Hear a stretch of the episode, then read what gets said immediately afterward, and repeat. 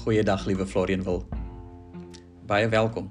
So ook aan al ons luisteraars. Ek is dankbaar dat ons weer op hierdie Sondag, 8 Augustus, saam kan luister na die woord van die Here en daarmee ook saam geïnspireer kan word om gelowig vas te hou aan hom in hierdie baie baie moeilike tye. Soos altyd weet ons hierdie een groot waarheid. En dit is dat die Here goed is. Dis ons geloof. Dis wat ons weet. En daarom weet ons dat ons in hierdie wêreld leef in die teenwoordigheid en voor die aangesig van 'n God wat goed is vir sy kinders. Hierdie mag ons nie vergeet nie. Maar vriende, laat ek vir ons met gebed open en so kan kom by ons teksgedeelte vir vandag die woord van die Here vir die dag.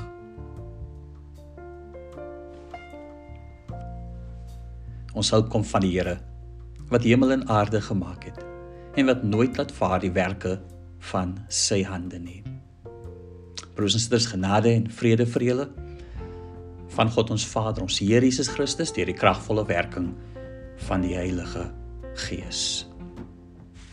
Ons teksgedeelte vanoggend is in die boek Efesiërs. Efesiërs hoofstuk 4 vanaf vers 1 tot 3.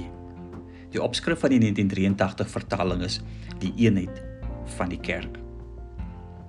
Ek druk julle dit op die hart. Ek wat 'n gevangene is omdat ek die Here dien. Laat julle lewens wandel in ooreenstemming wees met die roeping wat julle van God ontvang het.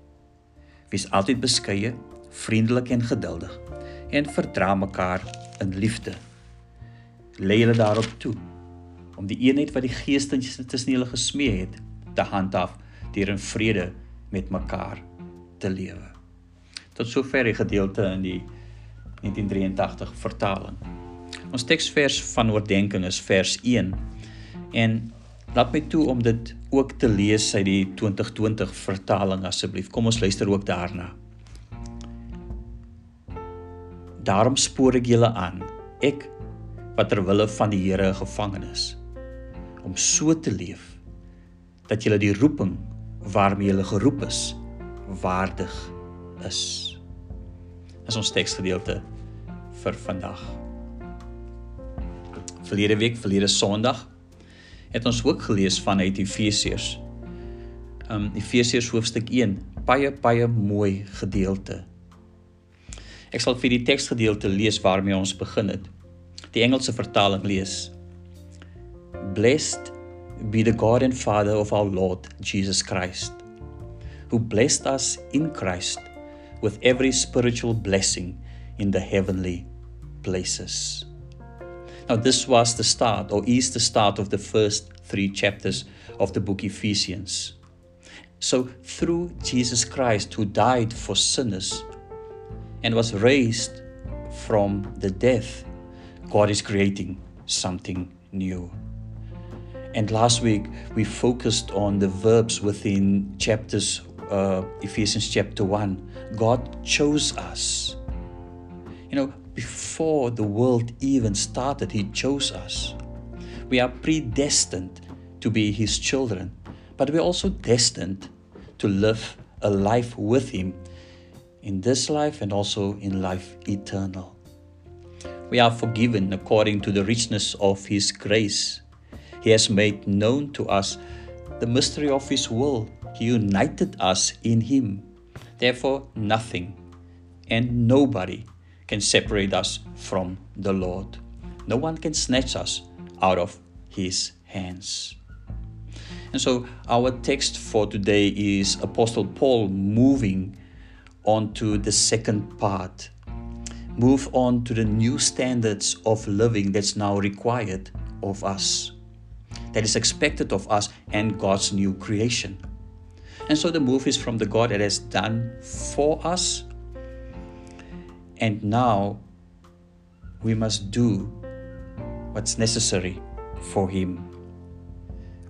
These things have implications for our everyday living. So, verse 1 Paul begins I therefore a prisoner for the Lord or or it can also have a second meaning I Paul a prisoner of the Lord begs you and this is also us to lead a life worthy of the calling or that we walk and the way we walk that it should be worthy of our calling. So our focus is on the word worthy. Afrikaanse vertaling, 20 vertaling praat van waardig en waardig wees. The original Greek word means to weigh, to having weight, like on a scale, a balancing scale. You place something on the one side and then you equal the scale with something on the other side. Two items that are now the same weight and therefore worthy according to the Greek word. So, what are the two things that the Apostle Paul is placing on the scale? On the one side, God's calling, backed up by all his spiritual blessings in the heavenly places. That is chapter 1 to 3. And on the other side, our life worthy of the calling. Our response to his calling must be equal, and that will make us worthy. In short, God calls us, and we now have to live or walk um, worthy of this calling. And when these two things even up, we are growing up in Christ Jesus and are living a life to his glory. Daar is soveel voorbeelde hiervan in die Bybel. Dink aan Abraham en hoe die Here vir hom geroep het vanuit sy tuisland uit. En Abraham wandel saam met die Here, stap saam met die Here agter die beloftes van die Here aan. En uiteindelik sal Abraham op grond van sy gehoorsaamheid sal sy hele nageslag die volk van die Here vorm. En uiteindelik sal Abraham genoem word die vader van alle gelowiges, dat hy 'n vriend van die Here is, 'n lewe waardig soos wat die Here wil hê. Dink aan Moses geroep in die woestyn om Egipte toe te gaan. En deur sy gehoorsaamheid en deur sy stap en sy wandel met die Here, lei dit eindelik tot die verlossing van Israel uit Egipte met baie wonderwerke. Deuteronomium vertel dat die Here self vir Moses begrawe het toe hy gesterwe het. En dan is daar die profete ook. Dink aan verskeie profete wat die Here geroep het of wat Jesaja of Jeremia was of selfs van die kleiner profete soos Amos byvoorbeeld. 'n Lewe waardig omdat hulle geantwoord het op die roeping van die Here. In die Nuwe Testament die roeping van die disippels deur Jesus Christus En alhoewel hulle maar net gewone vissers was, het hulle op grond van hulle gehoorsaamheid aan die Here vissers van mense geword. En met die uitstorting van die Heilige Gees is die kerk in en deur hulle gevorm wat tot vandag toe nog bestaan, nog bestaan. Dink aan Paulus geroep en hy volg Jesus Christus. En hy versprei die woord van die Here in al in die bekende wêreld van destyds. En vandag sal ons steeds die woorde van die apostel Paulus lees en vandag sal dit steeds nog mense inspireer. 'n Waardige lewe die van die apostel Paulus. Gehoorsaamheid aan die roeping om te leef soos wat die Here wil hê, lei tot 'n lewe wat waardig is, worthy. So we are placed in this balancing scale. God called us. He blessed us. And now we have to respond by living and walking in the footsteps of Jesus Christ in all and every situation. And if these two even up, we are worthy people.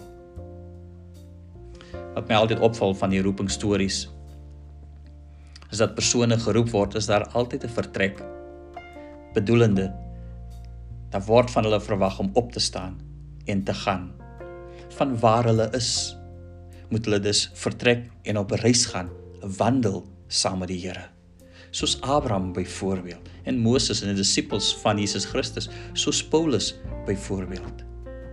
As ons gehoorsaam wil wees, kan ons en mag ons nie bly waar ons is nie.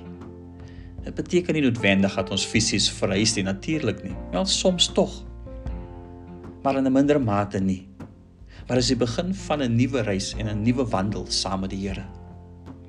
Die vertroue op die dinge van vroeër is nie meer daar nie.